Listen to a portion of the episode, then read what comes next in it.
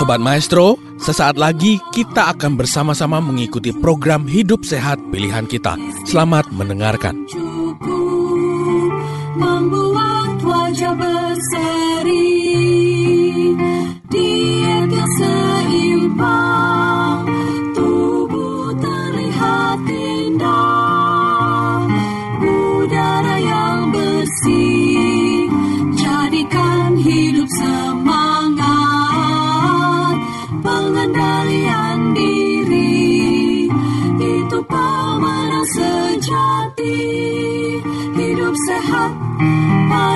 Tuhan hidup sehat sangat berharga sepuluh hukum kesehatan hidup Dari berbagai penelitian ini menyimpulkan bahwa pengaturan makan yang paling berperan penting, walaupun bukan satu-satunya, adalah waktu makan yang tepat. Karena meal timing ini dapat membuat irama sirkadian tadi yang kita sudah lihat di gambar tadi sinkron dengan jam biologis yang berada di organ-organ perifer kita. Kapan pankreas akan menghasilkan insulin? Kapan liver akan menghasilkan enzim tertentu untuk pencernaan karbohidrat, protein, atau lemak? Itu yang disebut dengan jam biologis perifer. Sehingga secara tidak langsung, waktu makan ini akan mempengaruhi terjadi atau tidak terjadinya penyakit dan untuk mengontrol berat badan manusia. Nah, sekarang, bila waktu makan dianggap yang terbaik, pertanyaan berikutnya adalah mana yang terbaik? Waktu makan satu, dua, atau tiga kali per hari?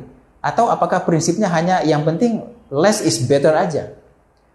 Penelitian-penelitian selanjutnya menyatakan bahwa ada satu faktor lagi yang harus diperhitungkan, yaitu lamanya atau panjangnya waktu tidak makan, atau yang disebut di ilmu nutrisi sebagai the fasting period, atau sederhananya sederhananya adalah jarak antara jam makan. Itu disebut dengan fasting. Para ahli menyebutnya sebagai um, fasting atau puasa. Jadi yang disebut dengan puasa dalam ilmu nutrisi bukan puasa seperti yang kita ketahui yaitu tidak makan seharian.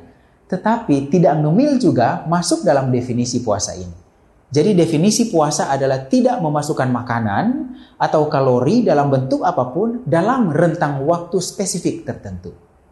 Dan penelitian-penelitian ini justru menyimpulkan bahwa puasa ya, tidak makan di antara waktu tertentu ini 6 sampai 8 jam sehari akan memberikan manfaat kesehatan yang lebih baik.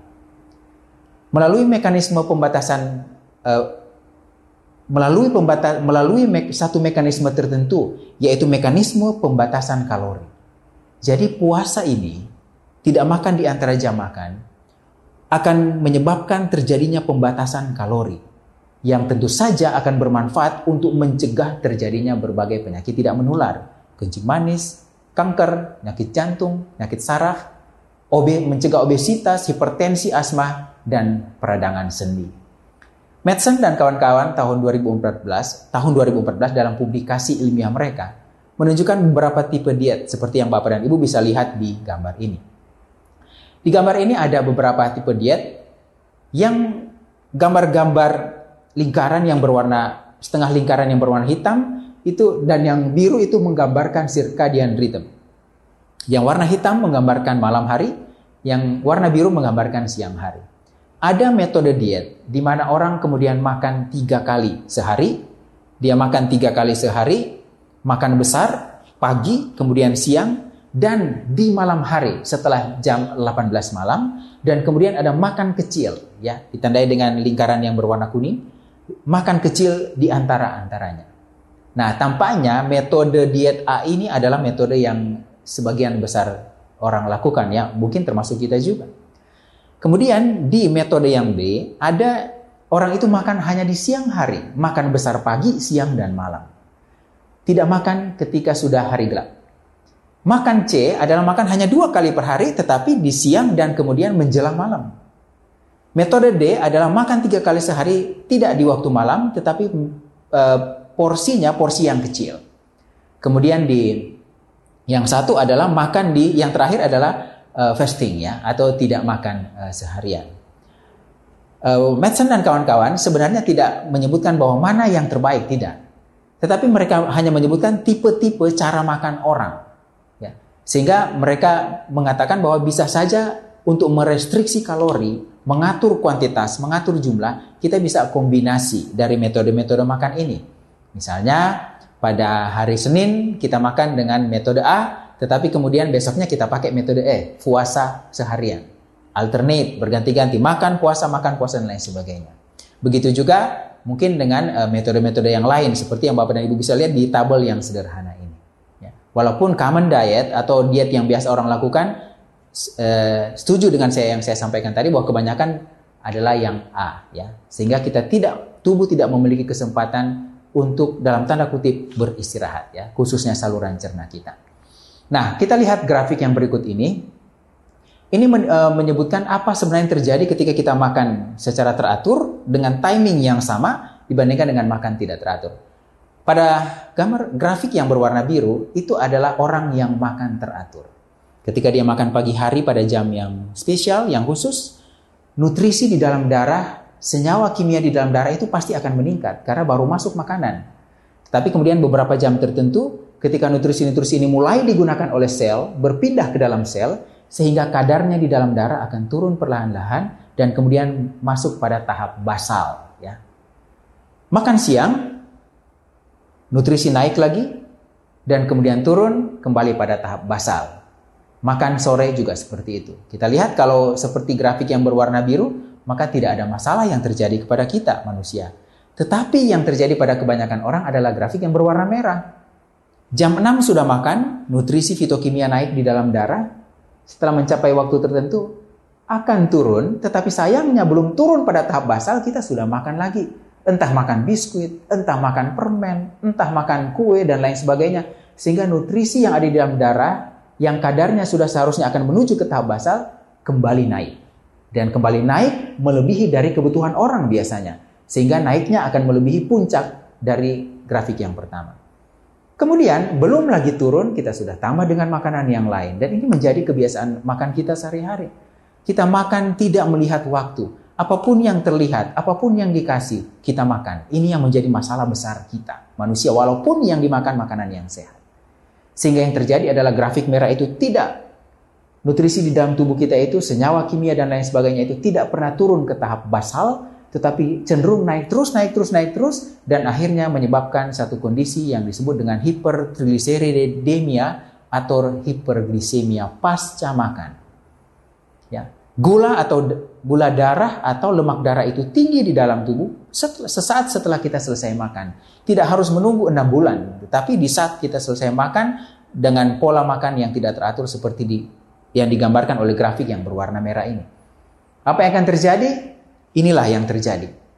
Ketika kita makan dalam jumlah besar, energi dihasilkan dalam jumlah yang sangat banyak.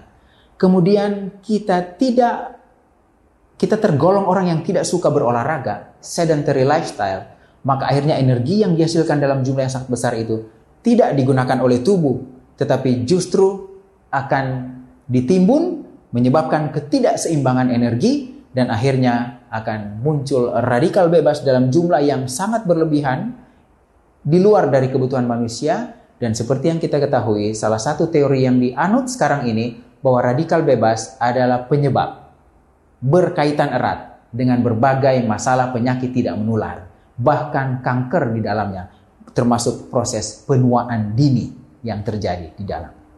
Kita lihat ini akibat dari makan yang sangat besar, kuantitas yang sangat besar, karena frekuensi makan yang tidak teratur. Tidak ada timing, tidak ada waktu yang spesifik untuk kita makan di setiap hari. Dan inilah hasil yang akhirnya harus ditanggung oleh umat manusia dewasa ini, di mana penyakit tidak menular menjadi penyebab kematian yang tertinggi saat ini.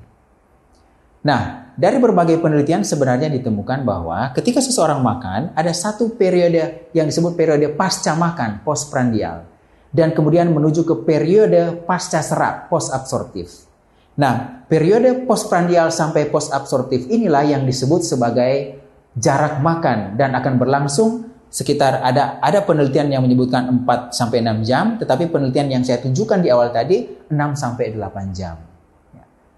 Tetapi yang terjadi adalah manusia menghabiskan sebagian besar waktunya pada keadaan postprandial ini yang diduga sebagai keadaan yang proinflamasi dan prooksidatif yang berkontribusi terhadap perkembangan penyakit kronis seperti yang saya sudah sampaikan tadi.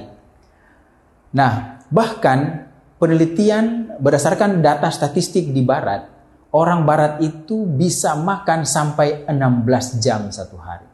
Fase postprandialnya sampai 16 jam per hari. Itu artinya melewati jumlah 12 jam siang hari.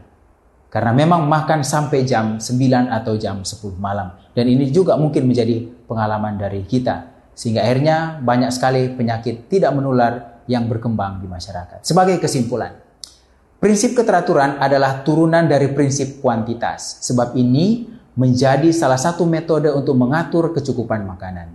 Di dalam prinsip ini kita telah belajar bahwa timing atau waktu makan yang tetap, terutama di siang hari, memberi manfaat yang terbaik bagi manusia.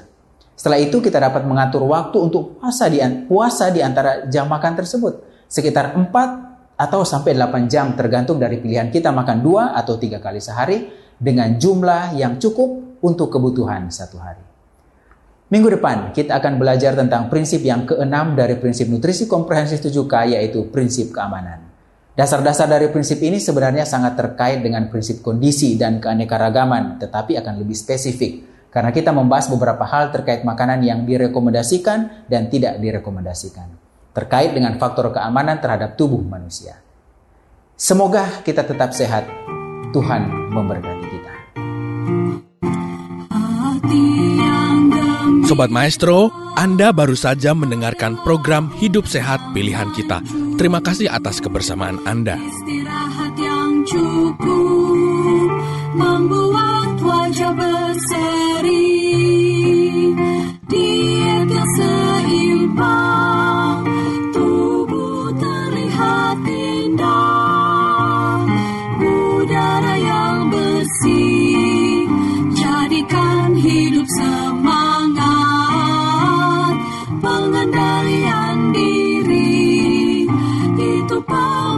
sejati. Hidup sehat, anugerah Tuhan. Hidup sehat, sangat berharga. Sepuluh hukum kesehatan, hidup sehat